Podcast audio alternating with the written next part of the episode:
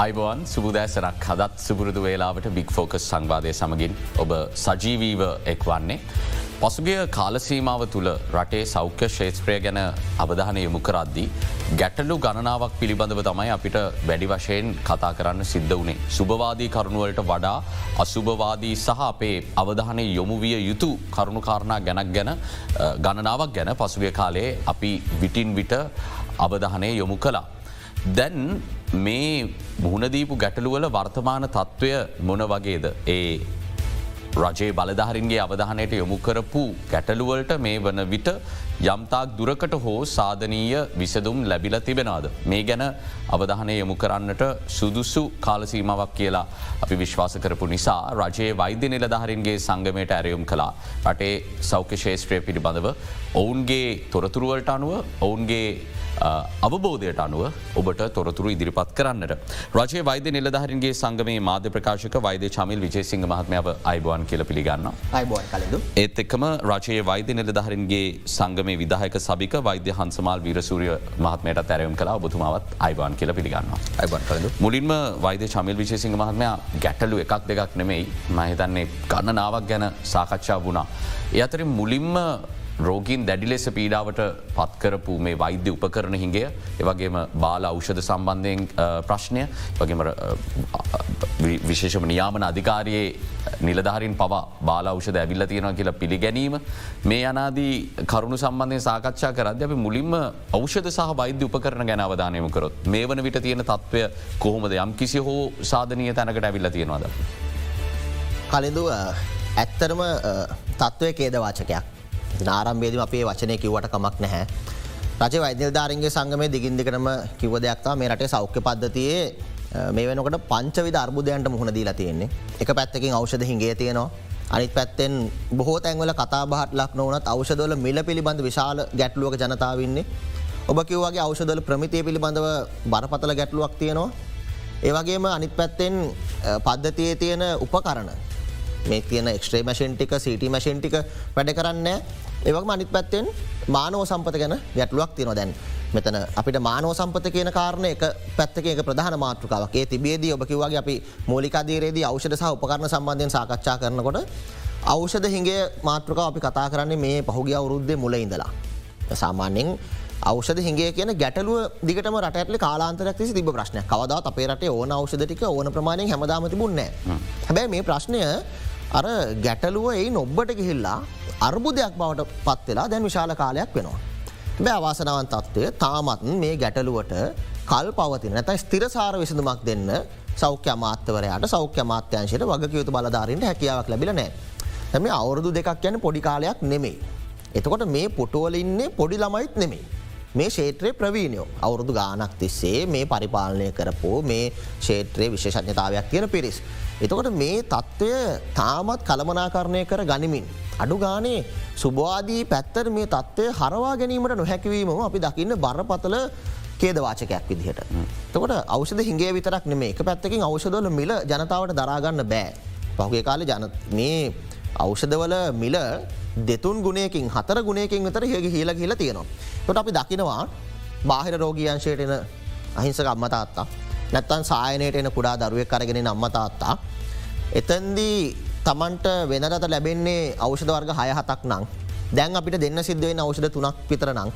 ඉතුර තුන පිටින් ගන්න අපිට ලියල දෙන්න සිද්ධ වෙනවා නං. හැබැයි එලිය ෆාමසිට ගහම පෞද්ගලිකංශයෙන් ගන්න ගහම ඒ මිල ඒ මිනිස්සුන්ට දරන්න බැරිනම් රටේ තියෙන ජීවන වියදමත් එක්ක ආදෑ මඩුවීමත් එක්ක මිනිස්සුන්ගේ ඔය රොත්තු දෙන්නේ නැහැ වියදම. එතකොට ඇඩු කඳුලින් මේ ජනතාව ගෙවල්ලොට යන්නේ.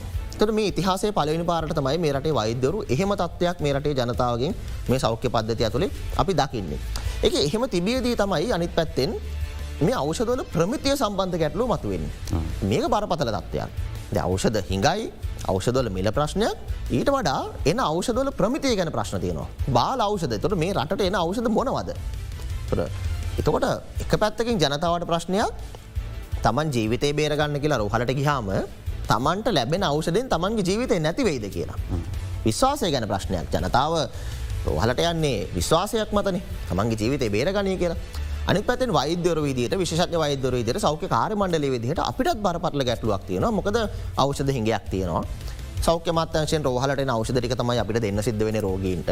ඒ ප්‍රමිතිය පරීක්ෂා කරන්න අපිට ක්‍රමයක් නැහැනේ රෝහල ඇතුලෙදි වාට්ටු ඇතුලෙදි එක්ස්පයිරි ඩේට් එක බලන්න පුළුවන් පිට වර්ණය වෙන සක්තිනට කියල බලන්න පුළුවන්. මොහර පින ෆොරන් බොඩිය එකක් නැත්තම් මොහරි ආගන්තුක ද්‍රව්‍යක්නට කියල බලන්න පුලන් ඒ නිහාදයක් අපිට බලන්න බැහැ. ඉතාම් ප්‍රාථමික ප්‍රාථමික මට්ටම නිරීක්ෂණයක් කරන්න පුළුවන් බාහිරෙන්. හැබැයි ප්‍රමිතිය කියන කාරණය පරීක්ෂා කරන්න ඕන.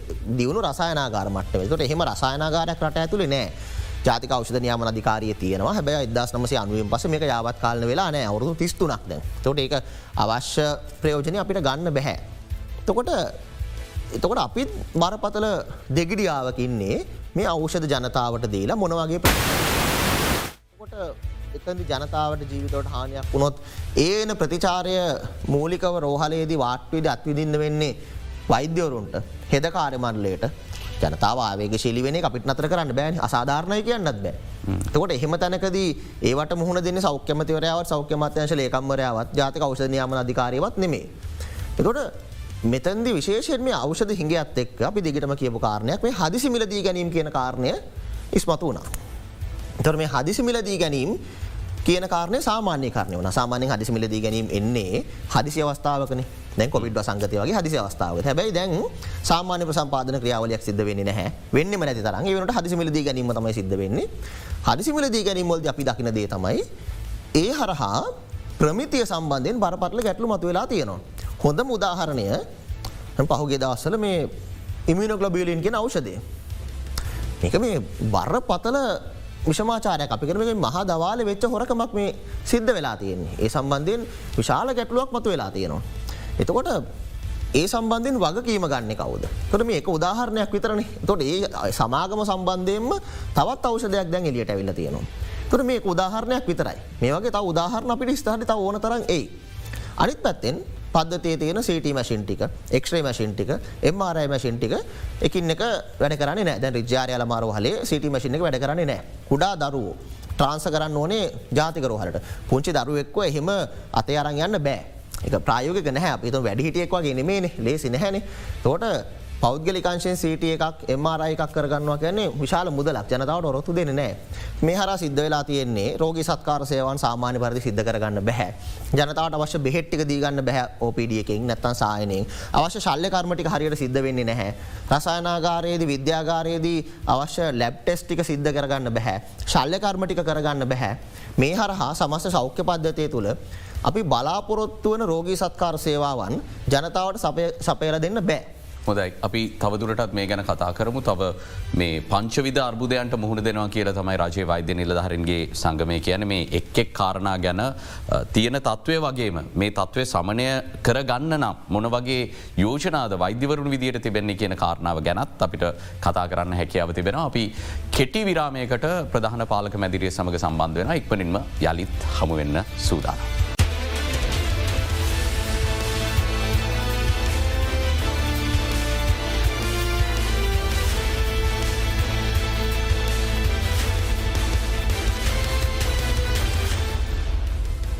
යළිත් බික් ෆෝකස් අපි රජයේ වෛද්‍ය නිලධහරින්ගේ සංගමේ නියෝචිතින් සමඟ සාකච්ඡා කරන්නේ රටේ පවතින සෞඛ්‍ය ශේත්‍රයේ ගැටලු සම්බන්ධයෙන් ම විරාමය අනතුරුව රජයේ වෛද්‍ය නිලධහරින්ගේ සංගමේ විදාහක සභික වෛද්‍ය හන්සමල් විරසූරිය මහත්මයට යොමු වෙන්නේ.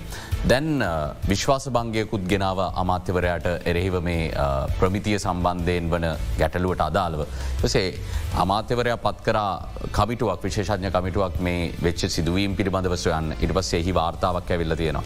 අනෙක් පසින් වෛද්‍ය විශේෂඥය රජය වෛද්‍ය නිලධහරන්ගේ සංගමය වගේම සෙසු ස්වාධීනව කටයුතු කරන විශේෂඥයෙන් පවා කියන කාරණාවක් තමයි අවෂධ නියාමන අධිකාරිය විශේෂඥයන්ගේ උපදෙස් නොතකමින් සමහර අවෂධ ලංකාවට ආනයනය කරන්න කටයුතු කල තියෙනවා කියලා. වෛද්‍ය නිලධහරන්ගේ සංගමය විදිහට ඔබතුමාල මේ ඇමතිවරයා පත්කරපු කමිටුවේ වාර්තාව කොයිතරම් විශ්වසනීය විදිට පිළිගන්නවාද. නැත්ත ඔබතුමාලා ඊටත් එහාගේ පරීක්ෂණයක් මේ අවස්ථාව අවශ්‍ය බව විශ්වාස කරනාව. ඇත්තරම කලින්දු මේ ප්‍රශ්න ගැන කතා කරනකොට මේ ප්‍රශ්න සම්බන්ධ අපි හැමදාම දකින දෙයක්නා මේ කමිටු කමිටු වාර්තා එලියට එනවා. තොට කමිටු විවිධ අවස්ථාවල්දි පත් කරනවා. අපි ගත්තොත් අනාධිමත් කාලෙකින්දන් මේ කරුණ කාරණ සිද්ධ වෙනවා. නමුත් අපිට පේෙන් නැතිදේ තමයි මේ එන්න වාර්තාවක් කුමක් හෝ ඒවා වාර්තාවක් හෝ මොකක් පදනම් කරගෙන හරියාකාරෝ ගන්න තීන්දු තීරණය. ගැන අපි හරි ක්ෂණ එකක් අරගෙන යම් වැරදක් කල තියෙනවන ඒ කෙන විස්රාර්ගෙන එයාට දඩුමක් දෙන අවස්ථාව අපි දැකලනෑ.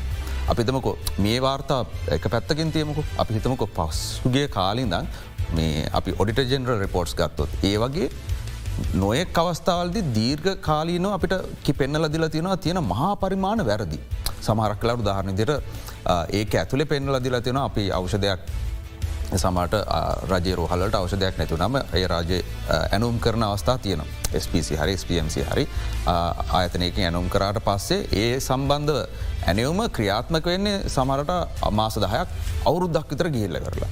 එතකොට ඒ ක්‍රියාත්මක වෙන අවස්ථාව තමයි සමරලාට දැනගන්නේ ඒ අදාල් අවෂදය එම ආයතන නිෂ්පාදනය කරන්නෙත් නෑකල ඒ තරමටම අකාරක්ෂමයි මේ සිද්ධුවන කාරණාසම්. එතකොට මේ වගේ තත්ත්වයක් තමයි තියෙන අපිට දැන් අලුත් කමිටුවක් ඇති කරන එක හෝ ඒ අලුතින් එන කමිටු වාර්තාවක් ගැන එක වාර්තාවක් ගැන ෆෝකස් කරන එකක් හරි සම්බන්ධව කටයුතු කරන එකකටත් වඩා රජය වෛද්‍යධාරී සංගමේදර අපි දිගින් දිකටම කියන මේ ගොඩාක් කල්ලිඳ මේ වෙනකොට අපිට මේ වගේ විගෙන කාධිපති වාර්තා තියන දිගටම පංච පුද්ගල කමිටු කියලා තියෙනති මේ වගේ ගොඩක් කමිට ඇවිල්ල තියෙන නමුත් මේ කමිටුවලින් ලබාදිල තියෙන නිර්දේශ තියෙනවා. මේ නිර්දේශ අඩුම ගාන මේ අපිතමක විකන කාධිපති වාර්තාවකින් ආපු නිර්දේශටිකක් හරියට ක්‍රියාත්ම කරන මේ ප්‍රශ්න ඇතිවෙන්නේ. එතකොට මේ එකක් හරි හරියට සාධනීව අරගෙන මේ කමිටු වාර්තාවකින් එන නිර්දේශයක් ක්‍රියාත්මක කරවාන කියනකතම අප කියන දිගටම. වෛදිතුම ජනතාවට තේරුම් ගන්න තවත් උදාහරණ සහිතව කතා කරොත්තන් මේ අවස්ථාවේ බැරදී කියලා පෙනි පෙනී තිබියදී. ඒවට කිසිදු ක්‍රියාමාර්ගයක් ගත්ත අවස්සා නොගත් අවස්ථා ගැන අපි කියනවන උදාහරණ සහිතව කෝම අපිට කතා කරන්න පුළුවන්. පැහැදිලිව දැන් වෛද්‍ය හන්සමාල් කිව්වාගේ හැමදාම මේ වැරදිකාරය හෙරිදරව වෙලා තියෙන රජ වෛද්‍යධාරන්ගේ සංගමය පවා මේ වංචාදූෂණ විශමාචාර සම්බන්ධයෙන් මේ වැරදි සම්බන්ධයෙන් ජනාධිපති මර්ශණ කොමිෂන් සභාවලට අල්ලස් කොමිසමට මේ තොරතුරු සියල්ල දීලා තියෙනවා. විමර්ශණ සිද්ධ වෙලා තියෙනවා. චෝදිතයව වැරදිකාරව හෙරිදරව වෙලා තියෙනවා. හැබැයි ආණ්ඩු මාරුණාට පාලකයෝ මාරුණාට මේ පිරි සමහරලාට තාව මේ පුටුවල ඉන්නවා. සමහර තැන්වලද මේ තොරතුරු මහා දවාල හෙළිදරව වෙමින් තිබියදීත් අපි දකින්න මූලික පියවරවත් ගන්නවා. දැ මේ සම්බන්ධයෙන් මේ දිනවල අපි දකින හොඳ උදාහරණය තමයි ම පෙරදිත් සඳහන් කරපු මේ අර අයි මින ගලබිරුවන් කිය අවෂදය සම්බන්ධයෙන් ගැටලුව. දැන් පහුගේ දවසක හෙළිදරවෙනවා මේ මිනන් ගලබිරුවන් කියෙන අවෂදය ස්නායරෝගීන් සඳහා ලබාදින අවෂදයක් පසුගේ කාලෙදි හදිසි මිලදී ගැනීමක් ලෙස රටටාපු ස්ටොක් එහෙක තොගේක ආසාත්මිකතාවයක්ට රියක්ෂණ එකක් කාපු නිසා හිදී ඇතිව පැමිණි ලිසා පරීක්ෂණ මත මේ ස්ටොක් එක බැච්ච එක ඒ කාණ්ඩය අත්හිට ඕනෝන්. එහිදී ඒ සම්බන්ධෙන් පරීක්ෂණ කරකොට හෙළිවෙනවා මේ මේක සඳහා නිකුත් කලතින WRක වව ්‍රජිස්ට්‍රේෂන් නැත්තං මේ හදිසි මිලදී ගැනීමක් සඳහා ජාතික අවෂධ නියාමන අධිකාරයෙන් නිකුත් කරනවා විරෝධතාවයක් නොමැති බවටවුන්. නිකුත් කරන ලිපිය මේක කූට ලේකනයක් අපි සරල විදිහට කිවත් මොක හිතියන අත්සන ජාතික ෞෂධනයාම අධිකාරය විදහක නිලද ප්‍රධාන විදහක නිලධාරිවරයා විදිහයට අර්සං කල තියෙන අර්සන ඔහුම කියන පරිදි අර්සන හුගේ නෙමේ. නිල මුද්‍රාව වැරදි නිල මුද්‍රාව ඔහුගේ නම නැහැ. නිල මුද්‍රාවේ තොරතුරු වැරදි. ඊළඟට ඒ අත්සන පාදක කරගනිමින් සෞඛ්‍ය අමාත්‍යංශ ලේකම්වර අවසර ලිපියක් මේ අවෂද රැගනීම සඳහ අවසරදීම ලිපියක් නිකුත් කරනවා. සාපරාධි ක්‍රියාවක් හැදිලව සාපරාධික්‍රයක් ද ප්‍රශ්න තියෙන්නේ ජාතික අවෂද නියාමන අධිකාරය කියනවා මේ ප්‍රශ්න අපි දන්නේ නෑ සෞඛ්‍ය අමාත්‍යංශය කියන මේක ගැන අපි දැනගෙන හිටිය නෑ. තර ප්‍රශ්න තියෙන්නේ එහෙම වෙන්න පුළුවන්ද දැන්. ජාතික අවෂධනයාමන අධිකාරයේ ප්‍රධාන විදහක් නිල්ධාරයාගේ අත්සන හොරට ගහලා සරල භාෂාවක හොරට ගහලා ලිපියක් නිකුත් කරට පස්සේ ඒ ලිපිය පාදක් කරගමින් සෞඛ්‍ය අමාත්‍යංශ ලේකම්වරය ලිපියක් නිකුත් කරනවා. මේ අවෂදය රැගෙනීම ආනෑනය කිරීම සඳ ඉන්දියන් ක්‍රඩිට් ලයින් එක ආනෑනය කිරීම සඳ අවසර ලබාදීම ලිපිය. ඒ ලිපිය පිටපතක් යොමු වෙනවා ජාතික අවෂධ නියාම අධිකාරයට යලිත් යළිත් යොමු වෙනවා. තන කොපිස් යනවා මස්ඩියකට යනවා ස්පිසියකට යනවා ජාතික අවෂධ නියාම අධිකාරයට යනවා එතකොට මම මේකයි මේ පොඩිලමයි නෙමේනි මේ බාල නෙමේ දන්න කියන්න කියන කොහොමට දන්න කියන්න කියෙන ඊට පස් යනි වැදගත්ම කාරණය අනතුරුව මේ අවෂදය රැගෙන සමාගම සම්බන්ධයෙන් පරීක්ෂා කරනකොට මෙහි මව් සමාගමන සහඳුන්නන ඉන්දයානු සමාගමක්. මේ ඉන්දයානු සමාගමේ මේ අවෂදය නිෂ්පාදනය කරන්නේ නෑ. මෙ ඉමියනොගලබිලින් කෙන අවෂදය මේ කියන ඉන්දයානු සමාගමය නිෂ්පාදනය කරන්නේ නැහැ. අපිට ප්‍රශ්නයක් තියෙනවා. කොහෙන්ද ගෙනාවේ. කවුද ගෙනාවේ. එතකොට මේ රටට වරායෙන්ද ගෙනාවේ ගුවන් තොට පොලෙන්ද ගෙනාවේ. එතකොට කොහොමද කලියරන්ස් ගත්තේ. අනිත් එක කලින්දු දැන් අවෂධයක් මේක මේ අවෂධයක්නේ හාල් පොල් නෙමේන ගෙනල්ල බෑග්ගික දාලා ගහිලා ගෙදට දෙනවාගේ දෙන්නේ නෑන ඒක ගෙනාටම සෞඛ්‍ය මත්‍යංශය බාරගන්න ඕනේ. එතනින් එමස්ඩියක නැත වෛද සැපවමංශයට යන්න ඕන. ඊටවස දිස්ත්‍රික් මට මේ තෞෂධ ගබඩා වෙතට යන්න ඕනේ. රෝහල් පද්ධතියට යන්න ඕනේ. මේ අවෂධක කළමනා කරණය කරන ස්වස්ත දත්ත පද්ධතියක් තියෙන අපිට. තුර කවරු හරි කියනවන මේ මේ ඔක්කො මගෑරල මේ බෑග්ගික දාලා ගහිලා රෝහල්ලට එහෙම වෙන්න බෑ මේවා. ඔට බරපතල සැකයක් තියෙනවා. කොහෙන් හරි අවෂධයක් කියල එකක් ගෙනවා. මෙහෙදි කවරු හරි කොතන්දි කුප්පිවලට පිරෙව්වා. ලේබල් එකක් ගෙහෝ බෙදවාද මේ. ඉට වඩා බරපතල ප්‍රශ්නයේ මේ සම්බන්ධයෙන් ගත්ත ක්‍රියා මාර්ග මොනුවන් සෞඛ්‍ය මාත්වරය කියනවා සයිඩියකට කම්පලේන් එකක් දැම්ම. අපි දක් ජාතික ෞෂධනයාම අධිකාරය පෙරේදා දිනේදී මාධ්‍යසාකච්ඡක් ඇඳවල්තිනවා ඒ සමාගමම ඒ විදිහටම තවත් අවෂධයක් ගෙන්න්නල තියෙනවා කියලා. එතකොට එක පැත්තකින් ජාතික ෞෂධනයාම අධිකාරය මාධ්‍යසාකච්ඡා තියලා මේ සම්බන්ධයෙන් කරාරෙන උත්සාහ කරනවා පිළිගන්න පුලන් තත්වයක් මේ සෞඛ්‍ය මාත්‍යවරය ජාතික ෞෂධනයාම අධිකාරය මේ සම්බන්ධයෙන් සම්පූර්ණක්කින් බාරගන්න ඕනේ. ඊට මේ සම්බන්ධතන බරපතලම ගැටලු අපිට කූට ලේකන නිර්මාණය කිරීම කියන්නේ දපි දන්න තරමින් දණ්ඩ නීති සංග්‍රහයේ බරපතල දඩුවම් ලැබි හැකි වරදක්. අපිට මතකයි පහුගේ කාලේ පාර්ලිමේන්තු මන්ත්‍රීවර පවා දඩුවම් ලැබවා සිර දඩුවම් ලැබුණ ලැබවා මේ කූට ලේකන නිර්මාණය කිරීම නිසා. එතකොට මේ කූටලේකන නිර්මාණය කරාය කියල මේ මහදවාල එලි වෙලා තියෙනවා. තොට ඒ සම්බන්ධව දේශය සමාගමකට මේ මේ අදාළ මව් සමාගමට සම්බන්ධව දේශය සැපියම් කරුවට මේ චෝදනා වෙල්ල වෙන්නේ. තොට මේ දේශය සැපියම් කරුවගේ ප්‍රකාශයක් මේවන්තුර සටහන් කරගෙන තියෙනවාද. මේ ඔවුන්ගේ කාර්යාලයක්වත් අඩුම ගන්න නිරීක්ෂණය කරලා තියෙනවාද. මොකක්ද ඔවුන් සම්බන්ධය නරන්තියන පියවර. නීති මේ පියවර මොකක්ද. අවෂධය තත්තිට ඕන එක වෙනයි. ෞෂදය පරෙක් කම්පලේන එක කාවගම කොහමත් හිටවනවා තමයි. ඒක මේ අවෂද රිතරක් නෙමේ රියක්ෂණ එකක් ආහම සාමාන්‍ය ක්‍රියාපිලි මාන ක්‍රියාවලයක්. මංහන මේක මේ මහ දවාල සිද්ධ වෙච් මීට කලනු අවෂද ශේත්‍රය හොරකං වෙලා තියනවා. මේ මට මේ හොරකං සිද්ධ වෙලානෑ හොරකම් සිද්ධ වෙලා කිසිම දෙයක් ඔවුන්ට සිද්ධ නොවනම අයිකරණක නවත්තන්න කරන නතර කරන්න එතකොට මේවා අහු නැත්තන් ඕක අත්හිටුවන් නෙත්න අත්හිටුවන්නෙත් නෑ. එතකොට දැ මේ තවත් අවෂදයක් තියනවාට මීට කලු හොම වෙන්න ඇතින අපි දන්නේ නෑනේ එතකොට මේ හදිසි මිලදී ගැනීම හරහා මේ එකක් එලියට ආ විතරයි තව ඕනතරම් මේ සිද්ධ වෙන්න පුළුවන් සිද්ධ වෙලා ඇතින. අපි දැක්කේ නෑන. කල්පනය කරන්න ඕන තරම් සාධක සාධක තියෙනවා. එතකොට එතකොට මේ වහගෙන ඉන්න අදිසි හස්ත මොනවද. සම මේ හැමෝම තේරුම් ගන්න ඕන අපි හැමදාම කියනවා මේ සෙල්ලං කරන්නේ මුදල් එක්ක නෙමෙයි මේ රටේ ජනතාවගේ ජීවිතත් එක්ක. කවුරු හරි හිතනවනං මේ විදිහට සෙල්ලං කල්ලා විහිලු කල්ලා රවට්ටලා මිනිස්සු හොරකං කල්ලා සල්ලි කොල ටිකක් ඩොලර් ටිකක් රුපියල් ටිකක් පවුන් ටිකක් තමන්ගේ මඩියට දාගන්නවා නම් තමන්ගේ බෑංක කවුන්ට එකට දාගන්නවා නම්. ඒ දාගන්නේ මේ රටේ ජනතාවගේ ජීවිතත් එක්ක මේ රටේ ජනතාවගේ ලේ දහඩිය කඳුළු තැවරුණු නෝට්ටු කියන එක මේ හැමෝම මතකතියාගන්න ඕන කියලබි මතක් කරනවා. ඔබතුමාට යොමු ඇද්දි දැන් රජය වෛද්‍ය නිලධහරන්ගේ සංගම මේ සාධක සහිතව රජයට සහය වගකිව යුතු පාර්ශවයන්ට චෝදනා කරද්දි අනෙක් පස්සෙන් අපි දන්නවා සහ පේන්න තියෙනවා. වෛද්‍යවරුන්ට චෝදනා කරන සෞඛ්‍ය අමත්‍යංශය විශේෂෙන් මේ බුද්ධිගලනයට අදාළව මතු වෙලා තියෙන දැවන්ත ප්‍රශ්නයේදී. රජයේ සහ සෞඛ්‍යමත්‍යංශේ ස්ථාවරය වෙන්න මේ නිදහස් අධ්‍යාපනයෙන් ඉගෙනගෙන රටට සේවය කරනවා කියන ප්‍රතිඥාවත් එක්ක හිටපු අය රට හැරල්ල දාලයන එක මේ තරම් සරලව ගන්න බෑ උන්ට වගකීමක් තියෙන අමාරු කාලෙ රටේ රැඳීන්න කියලා. රජ වෛද්‍ය නිර්ධාරන්ගේ සංගම මේක ගැන බොහෝ අවස්සාවලද කතා කල තියෙන මං මේ මාතෘකාවට ප්‍රවේශවීමක් විදිර මං කැමති ඔබට ඒ ස්ථාවරයට ප්‍රතිචාරයක් දක්වන්න ගිය.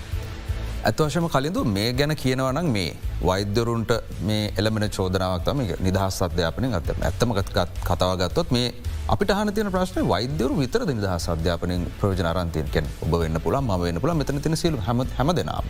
බෞතරයක් විදියට ලංකාවන්න සියලුම් දෙනාට මිනිදහස් අධ්‍යාපනයෙන් ප්‍රයෝජන අරගෙන තියෙන. එතකොට ඒත් එක්කම තමයි වෛද්‍යරයක් ගත්තාම පොඩක් පැදිලි කළ දෙන්නම් කොහොමද අපි නිදහස් අධ්‍යාපනයෙන් ගත්ත ගැනීම සහය ප්‍රතිලාබයට අපි කොහොමද ප්‍රතිචාර දක්වන්න කර. තකොට අපි සාමාන්‍යෙන් ඒ කැම්පස් එකකින් අවට්ටල විශ්වවිද්‍යාලකින් අවට්ටලා ඊට පස්සේ දැන් පලවිනියටම සේවයට එකතු වෙන්නේ සීමවාසික වෛද්‍යවරක් ද සීමවාසික වෛද්‍යර කියලගත් හම ඔවුන් ඉතාමත්ම විශිෂ්ට සේවයක් කරන කොට්ටාශක්මකද ඔවුන් බ විශ්වාස කරන්න පෑ විසි හතරම දවස් හතක් එක දිගටම ඔවුන් බැඳී සිටින සේවේ නිර්ත වෙලා ඉන්න. අපිට කෑම්බීම වෙලාවට යම් යම් කටයුතුවලට ඔවුන් විවක ගන්නවා තමයි. නමුත් ඒ මොහොතෙත් ඔහුන්ට කෝල්ලයක් කෙනවන එමනිසා මොකක්හරි ප්‍රචාරයක් දක්ව ඔවුන් බැඳී සිටිනවා නති එතකොට ඒ ආකාරයකට තමයි ඔවුන් සේවේ නිලතන හෙම ඔපමන කාලයක්ද අවුරුද්දක් අවුරුද්ධක කාලයක් ඒවිදියට සේවේ නිර්ත වෙන.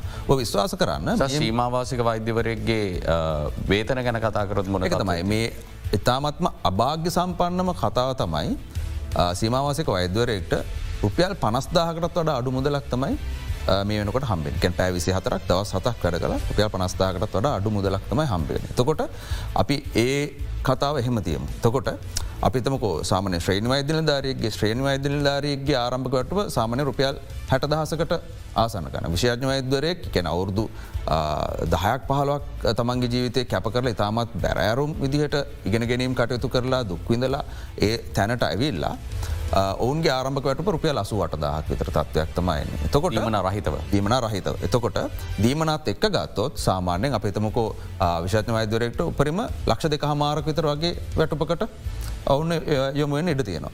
එතකොට ඒ තම ඒ හා සම්බන්ධව තමයි. තකොට ඉළං ශ්‍රේණ වෛද්වරෙක් ගත්තොත් සාමාන්‍යෙන් දීමනත් එක්ක ලක්ෂයක් ලක් එක් ලක්ෂ දහදහක් ඒවගේ ප්‍රමාණය කෙතරින් එහාට ඔවුන්ට අමතර සේවා දීමනාවක් කියලතෙන කැමතිනම් තමන්ට අමතර සේවා කැන ඔවුන්ගේ වැඩ කටයුත් එක්ක ඒ රාජකාරි කල ඔවුන් තමන් වෙනම හම්බ කරගන්න කෑල්ලක් තියෙනවා.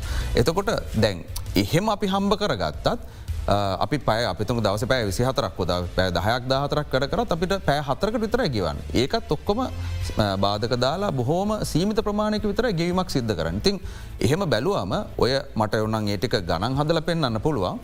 ඒ පෑගනන් වැඩකරු පෑගනන් ගත්තම සාමානය සීමවාසික වෛද්‍යවරෙක්ෙට අවරුද්දක් වැඩ කරලිවරලා ශ්‍රේණ වෛදල් ධරෙක්ෙට අවරුද්ද දෙක් වැඩ කරනකොටම සාමානය අපි අපිට වේදංකරපු මුදලට වඩා දෙගුණයක් විතර ආණ්ඩුවට අපි නොමිලේ සේවය කරලා දීලා තියෙනවා. එතකොට අනිතක අපි සාධාරණය කරනය කියන අනිත් දැන් මේක වෛදරු විතරක් ගන්න ප්‍රතිලාබිකුත් නෙමයි සියලුම දෙනා ගන්න එකැනෙ වෛදරු විතරක් ගැන කතා කරට වඩා ලංකාව තොරතුරතාක්ෂණය සම්බන්ධ රැකියාව දෙන සානිත් වෘතිකය බහතරයක් දෙන දැන් වෛද්‍යරු විතරක් නෙම ලංකා වෙතන සියලුම වෘතකයෝ මේ රටේ මේ පවතින ආර්ථික තත්වය නිසා ඔවුන්ට කැනෙ මානසික ඒකාකෘතාවේ හරියාකාරෝ අපි තන්න ස්ථාවරෝ ජීවත්වන පුළ වෙන රටක් කර ඇතියන ඒක කැන අපි දකින සාමාන්‍ය තත්වයක් මොකද අපි අපි කොච්චර විදිකට ආයතනයක් විදිර සෞඛ්‍යමාත්‍යය සිතර කවරු කොහොම කිවත් තනි පුද්ගලයෙක් තමයි තමන්ගේ පවුල කොහොමද නටත්තු කරගන්නේ? මේ වියදං හේදන් කොහොමද කර එක පාට මාසකීපයක් ඇතුළට ආර්ථය කඩන්ගටලා අපිට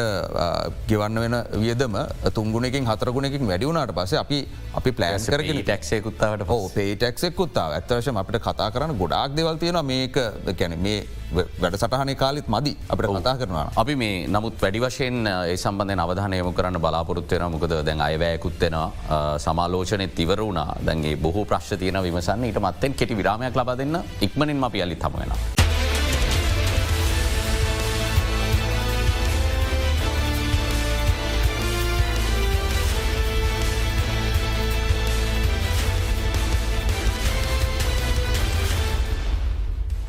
වෛද චමිල් විජේසිංහ මහත්ම ඔබතුමාල විශාල අරගලයක් කරා මේ උපයන විට ගෙවීමේ බද්ධ පනවපු අවස්ථාවේ ඒ අසාධාරණයි කියන පදනම් මත ඉඳගෙන. තොට එහිදී දීර්ඝ කාලයක් මේ විවිධ වර්ජන වැඩවර්ජන සහ උද්ඝෝෂණ මේ සියල් අවසානයේද අපපු එකඟතාවය තමයි. ජාත්‍යන්ත්‍ර මූල්‍ය අරමුදලේ පලවෙනි සමාලෝචනය සිදුවෙන අවස්ථාවද මේ ගැන යළි සලකා බලලා ෘතිකයන්ට සහනයක් දෙනවා කිය.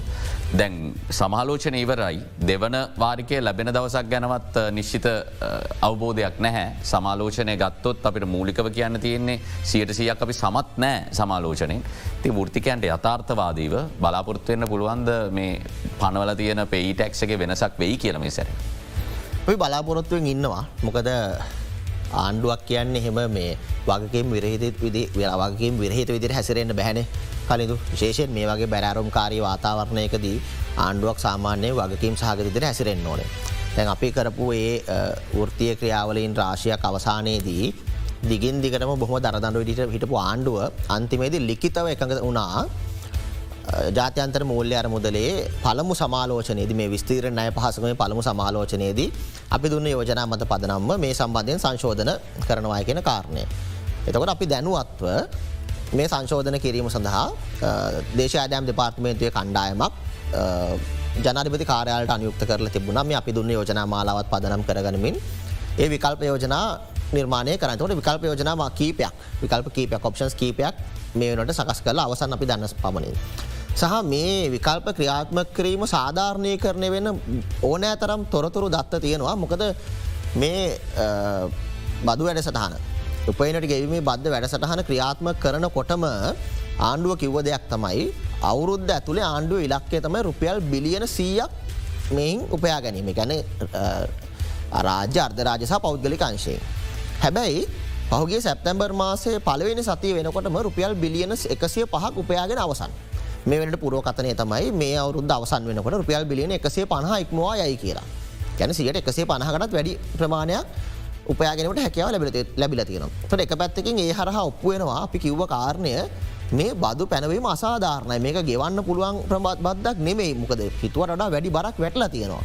අනිත් පැත්තෙන් ඔප්පුවෙනවා මේ කියන සංශෝධන සිදුකිරීම හරහා ආණ්ඩුව ඉලක්කවලට හානියක් වෙන නැහැ කෙළමක ඉලක්ක අභිවා ගිහිල්ලන. ආණ්ඩුව ඉලක්කේ තිබුණේ රුපියල් බිලියන සීයයි. පැයිද එකසේ පණහකට යන්න පුළුවන් වෙලා තියෙනවා. බදු පැහැරහරින අනිත් පැත්තෙන් මේ දැලෙන් එලියඉන්න අයගේ ඒ තියෙන වරදට ෘතිකින් ගෙවන්න අවශ්‍ය නැහැ. හැදිලිව තැන් ජාතන්ත්‍ර මූල අරමුදලත් එක් අපි සාකච්ඡා කර. ඇතන් ජාතයන්තර මූල අරමුද පැහැදිල කියපු දෙයක් තමයි ඔවුන් දෙන්නේ අර පුළුල් ඉලක්ක විතරයි. ඔවුන් දෙන්න රටේ බදවාදායම එපමණ යුතු ඉලක්කේ දෙනවා. කරන විදිිය කරන විදි නිශ්ිතවය ක්‍රමවේද තීරණය කරනු ආණ්ඩුව. එතකොට ආණ්ඩුව තීරණය කරන්නවන මොන ක්‍රමවේදේද යන්න? එතට පැහැදිලිව ජනාධිපතිවරය පවා කිව දෙයක්ත මේ හරි ලේසිීරීමේ ෘතියවේදීන්ගේ ඇතන් සේවා නියුක්තකයන්ගේ වැටුපෙන් කපල පඩිපතෙන් කපල ගන්න අපිට හරි ලේසිය නිසා අපි ගන්නවා. ඒක ආණ්ඩුවට කපල ගන්නක ලේසි වුනාට ඒක මේ රට ෘතියවේදීන්ට ලේසිත්න මේ රට ගුණ දායකත් නෑ. මේ බුද්ධි ගලනය හරහා පෙන්නල තියන්නේ ඒක තමයි. මේ රට කොයි තරම් හානිදායකද මේ ප්‍රතිඵලය කියන එක. තොර අප විශ්වාස කරනවා. දැන් පළමු සමාලෝචනය අවසන්. ප්‍රතිඵලයක් නැහැ රටට. අපි අඩුගාන අපි දිගටම කිව දෙයක් තමයි මේ සම්බන්ධයෙන් වෙන මේ විකල්ප යෝජනාටික හරි අපිට පෙන්න්න කියන කාරණය. බලාපොරොත්තු වෙනවා වහම මේ විකල්ප යෝජන අපිට පෙන්න්නයි කියලා. තාම ආණ්ඩුව හැඟි මුත්තන් කරන කාරයක් අපි දකිනවා. ආණ්ඩුව හිතනවනං කැරට්ටල පෙන්න්න මේ වගේ හැඟි මුත්තන් කරන්න බෝල පාස් කර කරන්න අපි ඒදවසලත් වුව දෙයක්තා ෘතිය වේදීන් එක් හෙම සෙල්ලන් කරන උත්සාහ කරන්න එපා. විශේෂ ෘතිවේදන්ගේ ෘතිය සමිත එකමුතුව කියන මේ රටේ සියලු ප්‍රධාන ශේත්‍රවල තීරක බලය තියෙන ෘතිය සමිතුවල එකමුතුවක් එනිසා ඒ සියලු ප්‍රධාන ශේත්‍රවල ගාමක බලය තියෙන. තීරණ ගැනීම බලය තියෙන තැන නිසා ඒ තීරණ ගැනීම බලය තියෙන තැනට මේ රට කොයි තැනට දරයන්නේ කියන බලය තැන දිශානති තීරණය කිරීම හැකියාව තියෙන නිසා එතැන්ට අප තල්ලු කරන්න එපා. අපි කොයි තරම් සංයමයකින්ද මේ කාරණයේද වැඩ කටයුතු කළේ කියලා මේ රට දැක්කනේ දකිනවන සමහර ශේත්‍රවල වැඩවර්ජන ෘතිය සමිති ක්‍රියාමාර්ග දියත් වෙන විදිහ. හැබැයි මේ බදු ප්‍රශ්නයදී මේ රටේ ෘතිය සමිති මේ ෘතිය වේදන්ගේ ෘතිය සමිත එකමුතුව කොයි තරම් සංයමයකින්ද කොයි තරම් ෘතිමය විදිහට මේ කටයුත්තට දායක වෙන්න කියලා මේ රට දකිනවනේ. මේ කොයි තරම් පරිස්සමින්ද මේ ගමන යන්න කියලා. හැබැ අපිව අර අමාරු තැනට අමාරු තීරණවට දාන්න බෑ නෑ. ජනතාව. අපිට මේ ජනතාවට හානි කරන්න අපිට උමනාවක් නෑ. හැබ අපිේ අමාරු තීරණවලට තල්ලු නොකරදී මේ වගකී ආණ්ඩුවට තියෙනවා. කොහොමුණත් එලබෙන සතියේදී ආණ්ඩුවට ටිකක් දැනෙන්න දෙයක් කරන්න අපි සෝදානම්. එන එළමෙන දාහත් වෙනිද අහරවා දිනේ ෘතිවේදගේ ෘතිය සමත එකමුතු විදිර මේට තීරණය කල තියෙන ෘතියවේදීන් කොළඹට කැඳවන්න ආයිවතාවක්. ඒ අනුව දාවක්ෂාවක් සඳහා සාකච්ඡාවකට එහා කියල විරෝධතාවයකට යන්න. සාකච්ඡා කරන්න එත්තරම් කල් දුන්නා. අපි සන්දේශ භාර දුන්න. පොඩි පුංචි වැඩිමුරයක් තියලාවා ජනාධපතිලේකම් කාරයාල ගාවට ගිහිල්ලා. නමුත් තාම ඇහෙන්නෑ වගේ ඉන්නවා නං අපිට සිද්ධන අයිටට ටිකක් ඇහෙන්න දෙයක් කියන්න. එනිසා ටිකක් ඉවසීමේ සීමාව රතුකට්ට පනිමින්ෙන්නේ ෘතිය වේදීන්ගේ අපේ සාමාජකයන්ගේ. එනිසා වහාව මේ සම්බන්ධ ආණ්ඩුව තීරණය රට කියන්න. අඩුමක ආණ්ඩුව තීරණය රට කියන්න පුළුවන්. එනිසා ඒ තීරණය රට කියන්න කියලා බල කරන්න. ෘතිවේදීන් දහස් ගන්න එලබෙන සතේද අඟහරුවාර දිනේදී මුදල්ල මාත්‍යංශ ඉදිරිපිට රැස්සෙන සූදානම්. විරෝධතාවය දියත් කරන්න. මේක එක් පියවරක් විතර ඊළඟ වටය ආරම්භ කරන්න. සප විශ්වාස කරනවා ආණ්ඩුවට යළිත් හිතන්න සිද්ධ වෙනවා මේ සම්බන්ධයෙන් මොකක්ද කරන්න කියලා ෘතිවේදින්න එක ගණු දෙනුවේදී ෘතිය මේ විදිට හැසිරෙන්ට ආණ්ඩුවට යළිත් හිතන්න අවස්ථාව අපි ලබාදිල තියෙනවා. වෛදතුමා තවත් කාරණාවක් තමයි දැන් නිදහස් අධ්‍යාපනය නිදහස් සෞඛ්‍ය ගැන නිරන්තරයෙන්ම පෙනී සිටි කණ්ඩායමක් තමයි වෛද්‍යවරුන් කියල කියන්නේ. විශේෂෙන්ම අධ්‍යාපනය පෞද්ගලී කරණය කරන්නට යනවා කියන චෝදනාවත් එක්ක වීදි බැහැල සටන් කරපු කණ්ඩායම. ඔය සටන් පෙරමුණේ හිටපු පිරිසක් විදිට ඔබතුමාලට තවත් එල්ලවන චෝදනාවක් තමයි. දැන් නිදහස් සෞඛ්‍ය සහ රටේ සෞඛ්‍ය පද්ධතිය ප්‍රමිතිය ගැන වෛද්‍යවරු විදිත් දිගටම කතා කර. දැන් ඔවුන්ගේ ජීවිත අපහසු වෙද්දී ඔවුන්ට වගක් නැහැ රටේ සෞඛ්‍ය පද්ධතිය ප්‍රමිතියට මොකක්ද වෙන්න කියලා දක්ෂ වෛද්‍යවරුන් සියලුම දෙෙන ආත්මාර්ථකාමී තීරණයක් ගන්න රට හැරලයන්න ඊට පස්සේ රටේ ජනතාවගේ සෞඛ්‍ය ගැන උන්ට තැකීමක් නෑ අනික් අතින් මේ දැනුව උත්පාදනය කරද්දි පෞද්ගලික විශ්වවිද්‍යාලවට වැටබැන්ද රජයේ වෛද්‍ය නිලධාරගේ සංගමය ඒ අනුව වෛද්‍යවරු නිෂ්පාදනය කරගන්න තිබ අවස්ථාවත් රටට අඩුනා. නමුත් දැන් මේ විදිර ගන්න තීරණය ආත්මාර්ථකාමය කියලා. මේ ගැන කතාවරු. ඇත්තරම කියනවනම් මේ ඒක මේ මම දකින්න වැරදි කතාවක් විදිර මොකද මේ සම්බන්ධව ගත්තාම වෛද්‍යවරු විදිහට අපි තාමත් රැඳිලා ඉන්නවා. රටේ රැඳල එන්න දැම් මේ ආර්ථික අවපාතයත් එක්ක දිගින් දිගටම මේ වගේ අවකල දන්න ඇති. දැන් සමට දන්න ඇති අප දිගටම මාධ්‍ය ප්‍රකාශන හර අපි කිව්වා. මොකද අපිට මේ උපයන විට ගෙවීමේ බද්ධ සම්බන්ධයෙන් සාකච්ඡා ඇතිවනකොට තමයි අපි අපි කියන ඇතරම මේ එකින් එක හොඳක් වුණා කියලා. එක හොඳක් වුණා කියෙන එතකොටම අපි දැනගත්තේ වෛද්‍ය ඉදිරි වෛද්‍යවරු විදිහට අපි කොච්චර ප්‍රමාණයකට මේ හරි අව ප්‍රමාණයකින් තමයි වැටු ලබන්නේ කියලමක සමහර අපේ හා සමාන සමාන්තර ශ්‍රේණිවල රාජකාරී කරන ෘතිකයෝ ඔවුන් ගෙවන උපයන විට ගෙවීමේ බද්ධ අපේ සම්පූර්ණ වැටුපට හා සමානයි. ඉතින් ඒවගේ තත්වක තමයි නිකැන කියන පැරල සවිස එකැන සමාන්තර ශ්‍රේණිවල රජයම ඕ රජයම සමාර ආයතනවල එවිදිර තමයි කටයුතු සිද්ධවෙන්. එතකොට ඒහා වෙන්න පුළුවන් රජය වෙන්න පුළුවන් පෞද්ගල ශේත්‍රයනක කොහොමත් මේ වෙනකොට වෛදරු දැඩි පසු තැවිල්ල කියන්න මේ කාරණයක් එක්ක. එතකොට අපි එහෙම ඉඳලත්. තවමත් අපි රජයේ දැන් මේ වෙනකොට අපි දන්න වෛදුර එක්දස් පන්සේකට වඩා අධික ප්‍රමාණයක් රට හැරට ගිල්ල තින විශෂඥ දුර ගිල්ල තිර. එතකොට තව පන්දහක් විතර ප්‍රමාණයක් අදාළ සමත්කම් කරගෙන කැන එක් විභාග පාස් වෙලා ඒ අදාළ දේවල් ටික ලෑස්ති කරගෙන අවශ්‍යතාවයක් ලැබුණොත් යන්න බලාගෙනින් එකැන සම්පූර්ණ ලංකාවන්න වෛද්‍ය ශේෂත්‍රය වෛදරුන්ගෙන් හතරෙන් එකට වඩා වැඩි ප්‍රමාණයක් අපෙන් අහිමිවෙන්න සූදානම් වෙලා ඉන්නවා. නමුත් ඔවුන් තවමත් මෙතන රැඳිලා ඉන්නේ රජ වෛදනිධාරී සංගම විදියට අපි කෙරේ විශ්වාස තිබල මේ ප්‍රශ්ට උත්තරයක් ලවාදේ කියලා. සහ නිදසෞක්කර තියෙන ආදරය හින්ද තමයි තවදුරටත් මෙත රැඳිලයින නමුත් ඔවුන දිගටම දිගටම දිගටම බිත්තයට හේත්තු කරලා තල්ලු කල තල්ලු කළ ඔුන්ග තල්ල තල්ල තවදුරටත් බදු වැඩි කරලා උන්ගේ එදිනෙදා ජීවිතය ගත කරගන්න බැරිතත්වයට පත්වනොත් ඔගොල මේනකට දකිනව සමාජ්‍යමාතය හර වෛදරුන් රජුවම ඇවිල්ල තමන්ගේ දුක්ගැනවිල්ල කියන මේ වෙනකොට තම අපි මේ වගේ තත්වකරතම පත්වෙලා තියෙන සමහරුන්ට තමන්ගේ එදාවේල හම්බ කරගන්න බැරිතත්වයට පත්වෙලා ඉන්න වෛද්‍යරු සමහරුවන්න මොකද සමරුන්ට කියන්න පුළන් පුද්ගලික සේවේදන කරප නමුත් අපිට කියන්න ඕන කාරද පුද්ගලික සේවේ යෙදෙන්නේ සීර තියකටවත් වඩා අඩු ප්‍රමාණයක්. බහුතරය. අතිමහත් බෞතරය පුද්ගලික සේවේ දෙන්නවත් නැහැ. එතකොට මේ වගේ කෙනෙක්ට මේ වගේ වැටපකින් ජීවත්වන්න අමාරුයි කියනක තමයි අපි දිගටම කියන්න. මොකද ඔබතුමාලක නිරීක්ෂණය අනුව ඇයි පුද්ගලික සේවේ සියට තියක පමණ පිරිසක් දෙනමකද බොහෝ දෙනකට අපිට හිතන්න පුළුවන් උපකල්පනය කරන්න පුළුවන්දේ තමයි ආදාය මඩු වෙද්දි බොහවිට වෙනත් උපක්‍රමයකට යොමු වෙනවා. ඇයි එක සියට තියක වගේ ලක්කමකතිය. ඒක පුද්ගලික කාරණයක් මේ කලඳු එකන අපි තමන්ගේ නිදහසට වැඩිපුර කැමතින එක ඇත්තරම පුද්ගලික සේවේ එදනවාද නැද කෙනෙක තමන්ගේ පුද්ගලිකාන කෙනෙක්ට හිතන්න පුළුවන් තමන්ට ඇත්තක අතීතය ඉදං සාමන දලව සාමානය ඒවගේ ප්‍රමාණ දැ මේ වෙනකොට හැබැයි ඒ ප්‍රමාණය වැඩිවෙන තත්වකට ගිහිල තියෙන පුළුව මොකද ප්‍රශ්නය මොකද දැන් ඔවුන්ට එන්නෙන් එන්නෙන්න තමන්ම බිත්තයට හේතුවනවා කියලා තේරෙනවාන තමන්ට ආදායම නැතිවෙලා අපිට මේක දවාගන්න එදාවෙල දවාගන්න බැරිෙනවා කියලා තේරවානම් සමහරක් කෙනෙක් පුද්ගලික සේවට එදන්න යමුවෙන් පුල නමුත් එහෙම කියලා අපිට සියට සියක් දෙනට පුද්ගලික සේවේදලා ඕක කරන්නත් බෑ. ඒකේ සීමා සහිත සාධක තියෙනවා.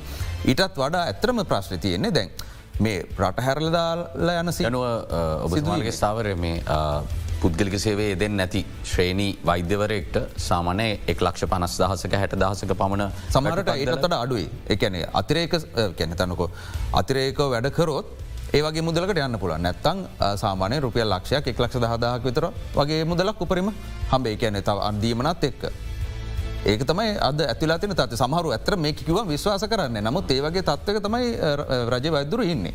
එතකොට මේ හා සම්බන්ධ අපි සංසධනය කර බැලුවත් අපි උදාරණයක් විදර ගත්තොත් ඔස්ට්‍රේලයා වෙන්න පුළුවන් නැත්තං යුක එක්සත් ජර රාජධානයන පල එමනැත මැද පෙරදික රටවල් වෙන්න පුළුවන්. එහමනත්තන් සිංගප්පූරෙන් පල මොනම තැනකට ගත්තත් මීට සාපේක්ෂ ගත්තම් විශාඥ අදරට වෛදරයට විසිතුස් ගුණයකට වඩා වැඩි වැටුපක් සාමාන්‍ය කාලසීමාව අපිතක අටේද හතරනක අටේදම් පහනක වැඩ කරලා ඒ ප්‍රමාණය හම්බ කරගන්න පුළුවන්. එතකොට වෛද්‍යරු හිතන්නේ ඉතින් තවදුරටත් මෙතන ඉඳලතන මොකද අපි නිදහස් සෞඛ්‍ය සේවය ගැන තමන්ට ඒ හැඟීම ගැන කොච්චර හිතාගෙන හිටියත් යම් තැනකද එකක්නගේ කොටුවීමක් තිය මොකද තමන්ගේ පවර නඩත්තු කරගන්න බැරින තමන්ගේ ළමයට අවශ්‍යදය දෙන්න බැරින තමන්ගේ අම්මට තාතර බෙහෙට්ටි අරන් දෙන්න බැරිනම් ඔවුන් දෙපාරක් හිතන ඇයි මට මෙහෙමනං රජයෙන් සලකන්නේ? රටෙන් මට මෙහෙමනං සලකන්නේ? මං මොකට තවත් මෙත රැඳල ඉන්න. එතකොට අපිට මේ වගේ ඔෆර්ස් තියෙනවන එලි ඕන තරන් ලංකාව වෛදරු ගන්න බලාගෙනවා එතන එකන වෙනත් රටවල් වලින් ලිතෝ ඉල්ලීම් ලැබෙනවා ලංකාට මෙහම වෛදරු අපි ගන්න කැමති මේ ඉන්නවන වෛදරු එවන්න කියලා. අපේ ප්‍රෆෙෂනල් කොලේජස් වලට එම ලිකිත ඉල්ලිම් ලැබිලා තියෙනවා. එතකොට ඒ විශාත්ම වෛදරෙක් වෛදරෙක් බලන්න ඉතින් අමාරුවෙන් මෙතනින්නට වඩා ඊට වඩා පහසුවෙන් අපි අලුතින් ජීවිතය පටන් අරන් හරි වෙන රටකට ගියාට පස්සේ මීට ස්ථාවර ජීවිතයක් ගත කරන්න පුළන් කියලා. අපි ඒක තමයි දිගින් දිගට මේ රජයටත් කියන්නේ වෛද්‍යරුන්ග බිත්තියට හේතු කරන්න එපා මීට වඩා තවදුරටත් වෛද්‍යරුන්ග තලා පෙලා දාන්න එපා මොකද යම් අවස්ථාවක දවුන් තීරණයක් ගත්තොත් මේ ඉන්න ප්‍රමාණයක් රට හැරලදා යනවා. සමස්ස පද්ධතියම කඩමස්ට පද්ධතිම කඩවටන යම් වෙලාවක අපිට හිතෙනවා මේ කරන්න යනදේ පිටි පස තියෙනම නිදහස් සෞඛ්‍ය සේවේ නැති කරලා දානකද කාගෙ හරි උපක්‍රමයක්ද මේක? ඕනකමක්ද මේ නිදා සෞඛ්‍යසේව නැති කරලා මේක සම්පුරණ අතින් වියදන් කල ගෙන සෞක්‍රමයක් ගන්නද පුද්ගලික කරණය කරන්නද? මේ වගේ සැක මේනකට මත්වය අප මේ සම්බඳධ සාකච්ඡා කරන ඉතින් මේ වගේ උපක්‍රමයක් වුණත් වෙන්න පුළුවන්. ඒක අපි වෛද්‍යවරු විදිහට අපිට පුළුවන් උපරිමේම අපි අල්ලගෙන ඉන්නවා. නමුත් හැමෝටම යම් සීමාවක් තියෙන අපි දිගටම කියන්නේ ඒකයි. බද්දුවෙන්ඩ පුළුවන් වැටුප වෙන්න පුළුවන් දරාගෙන පුළුවන් සීමාවක් තියෙන ඒ කට්ට පැන්නට පස්සේ තමන්ට තීරණ ගන්න ඒක ඔබටත්වෙන් පුල මටවෙන් පුල හැම රටේ ඕනම කෙනෙක්ට හෙම මේනකට රයිදර විතරක්නේ අනි පෘතිකයෝ සාමාන්‍ය ජනව ගොඩක් දෙනා පිටරටවල්ල ඇදිලා. අපිට බණ්ඩාරණයක ගුවන්තපොලට ගියාමට බලාගන්න පුළුවන් තත්ේ ඒ හැමෝගේ මේ සීමාව පැනලා. හැමෝම රට ආදරන තුනේ සිලුදන රට ආදර. නම තුරන් දෙමවපියන් සියලම දෙන දා හරිම අපහසු තත්වයක තම ඉන්න. නමුත් උන්ට කරගන්න දෙයක් නැතිහිදතම යන්න. වෛදරුත් එහෙමයි. ඔවුනුත් තාව කොට්ටාශයක් විතරයි. වෛදතුමන එතනින් එහට ගියාට පස්සේ පෙයි ටැක්ස එක සංශෝධනය වීම කියන ඉල්ලීමෙන් සෑහිමකට පත්වෙන්න පුළුවන්ද මොකද දැන් මේ මේ ලැබෙනවා කියන මුදලත් එක්ක රටේ උද්ධමනය හිල ගීල තියෙන විදිට එක් ලක්ෂ පනස්දාක් කියන්නේ එකේ නාමිකාගේ අපි නියම වටිනාගාම ගත්තෝ රුපියල් ඇත්ත දාහක පමණ මුදලක් වෙන්න පුළුවන්. එතකොට මේ පෙයි ටැක්ස් එකට එහා ගිය වෛද්‍යවරුන්ගේ සුභසාධනය සහ අනාගතය අභිවෘද්ධය වෙනුවෙන් මොන වගේ ඉල්ලීම්ද තියෙන්නේ මේ වෙලා කරන්න පුළුවන්ද කියන එක ප්‍රශ්නයක් නමුත් මේ ගැන කතාකරොත්. පැහැදිලිව මේ අපේ රජ වෛද්‍යධාරන්ගේ සංගමය විදිහට දිගින් දිගටම කියපු දෙයක් තමයි දැන් වෛදරු එදහස් පන්සේකට වැඩි ප්‍රමාණයක් විශේෂඥ වෛදරසා වෛදරු ගෙවුණු අවුරුදු අවුරුද්දයි මාස දහයක පමණ කාලය තුළ දෙකැන දෙදස් විසි දෙකේ මුල සිට මේ දක්වා මේ රට නිවත් වෙලා ගිහිලරට රහිමි වෙලා තියෙනවා. තොට ගිය පිරිසට වඩා දැනට මේ රට තුළ රැඳිලා ඉන්න වෛද්‍යරු පිරිස අපි රැකගන්න ඕන. තන බරපතලම කාරණය තමයි ඔස්ට්‍රේලියාව එක්සට රාජධානය සහ මැද පෙරදික් කලාපේ තුළ වෛද්‍යරු විදිහට රාජකාරි කටයු තුළ යෙදෙන්න අවශ්‍ය සුදුසුකම් සපුරපුේ විභාග කටයුතු සපුරපු වෛදරු පන්දහසක පිරිසක් තාම මේ රට තුළ රැඳිලඉන්නවා යන්නේ නැතුව ඒ තීරණය ගන්න නැතුව මේරට රාජසේවන්න වෛදර විසිදහයි පන්දහක්ෙන් හතරන එකක් මේ පිරිස ගියොත් මේරට පරයන්ත රහල් පද්ධතිර වෙනදේ අපට හිතාගන්න බෑ. දැනටත් බරපතල තත්වක තින ගැන අද විස්සමහරාමට යන රෝගයට හෙට කරාපිටිට එන්න එන්න පුළුවන්. අද මහියන්ගේ යන රෝගයට හෙට බදුලට මහනුවරට එන්න සිද්ධ වෙන්න පුළුවන්. බෙහෙතක් ගන්න තොට මේක තමයි මේ තත්වේ නිසා ආණ්ඩුව දිගරම විවිධාකාරයේ යෝජනා ඉදිරිපත් කරනවා. කැන ප්‍රායෝගක නෑ. මුලින් කිව්වා නීතිදානවා බය කරනවා තර්ජනය කරනවා කිවවා ආයක පෞද්ගලික වෛද්‍ය විද්‍යාල දාලා හතු පිපෙනවාගේ වෛදදුර හදන්න පුලන්ක ආණ්ඩු හිතන්ගන්න අදාලා හට වෛදදුර හදන්න පුලන් කියලා. හෙම වෙන්නේ නෑනේ. ඉලාට රටින් ගේන කතා කිව්වා. අපි කිව්වේ රට තුළ රැදිලයින්න වෛද්‍යරු රට තුළ රැඳී සිටීම දිරිමත් කිරීම සඳහා ප්‍රතිපත්ති මාලාවක් වැඩ පිල්ලක් ක්‍රියාත්මක වෙන්න ඕන. එකන රට තුළ රැඳිලයින්න වෛද්‍යවරුන්ට සාධාරණය සහ යුක්තිෂ්ට වෙන්න ඕන.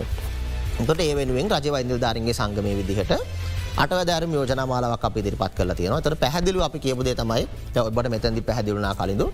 වෛද්‍යවරුන් දැන්ගන්න වැටු පිව්ව සම්බන්ධයෙන් බරපතල ගැටලුවක් තියෙනවා.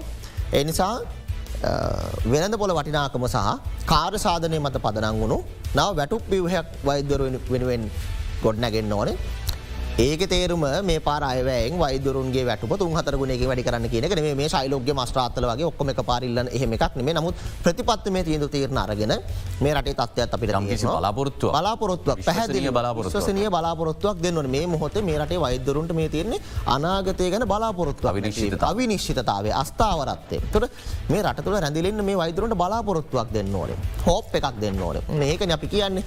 එනිසා ඒ ප්‍රතිපත්ති මේ තීන්දු තිරන පියවරෙන් පේර අපට ඉස්සරහට යන්න පුළුවන් ඒවගේම වෛද්‍යවරුන්ගේ ප්‍රවාහන පහසුකන් සම්බන්ධයෙන් බරපතල ගැටලු තිනවා වෛද්‍යවරුන්ට ප්‍රවාහණය ඇතුරත්වන ඩැට් කියල දීමනාවක් තියනවා. මේක දස් නමසේ අනුතුනේ අඳුනල දෙන්නේ.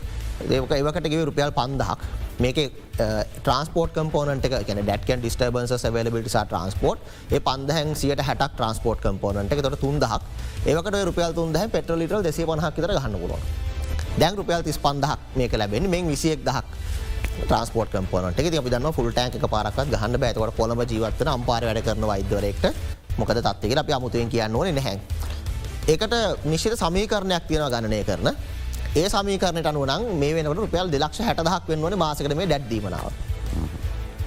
යම්මාකාරක යාවත්කාලන යාවත්කාලවීම අප විශවාස කරන මේ ඩැඩ්දීමනාව සිද්ධ වෙන්න මොක හට දාමන මේ ලක්ෂ හට දහම නොවෙන්න පුලන් මොකද දෙදස් දහටේදීත් මේ ඩැඩ්දීමනාව එක් ලක්ෂ විසිදහ දක්වා ඉහල නංවන්න ඒකට අනුමැති ලැබිල තිබුණ. නමුත් ඒකටත් මුදල මත්‍යංශය යම් ගැටලු නිසායක එතනින් හට යොමුණේ නැහැනිසා අප විශවාස කරන ඩැඩ්දීමනාව ඉතා ප්‍රමුඛ කාරණයක්සේ සලකා වැඩිවෙන් වනේ වගේම සීමවාසික වෛදරුන්ගේ වැටප ගැන වෛදහන්ස මාර්කව විශවාස කරන සීමවාසික වෛදරන්නවා එක කෑමක දෙකට බෙදාගෙන කන්න. මොකදේ වැටපෙන් ජීවත්වන්න බෑවුන්ට ට සමාරුට නවාතැන් පහසුකන්වත් රෝහල ඇතුළේ නැහැ.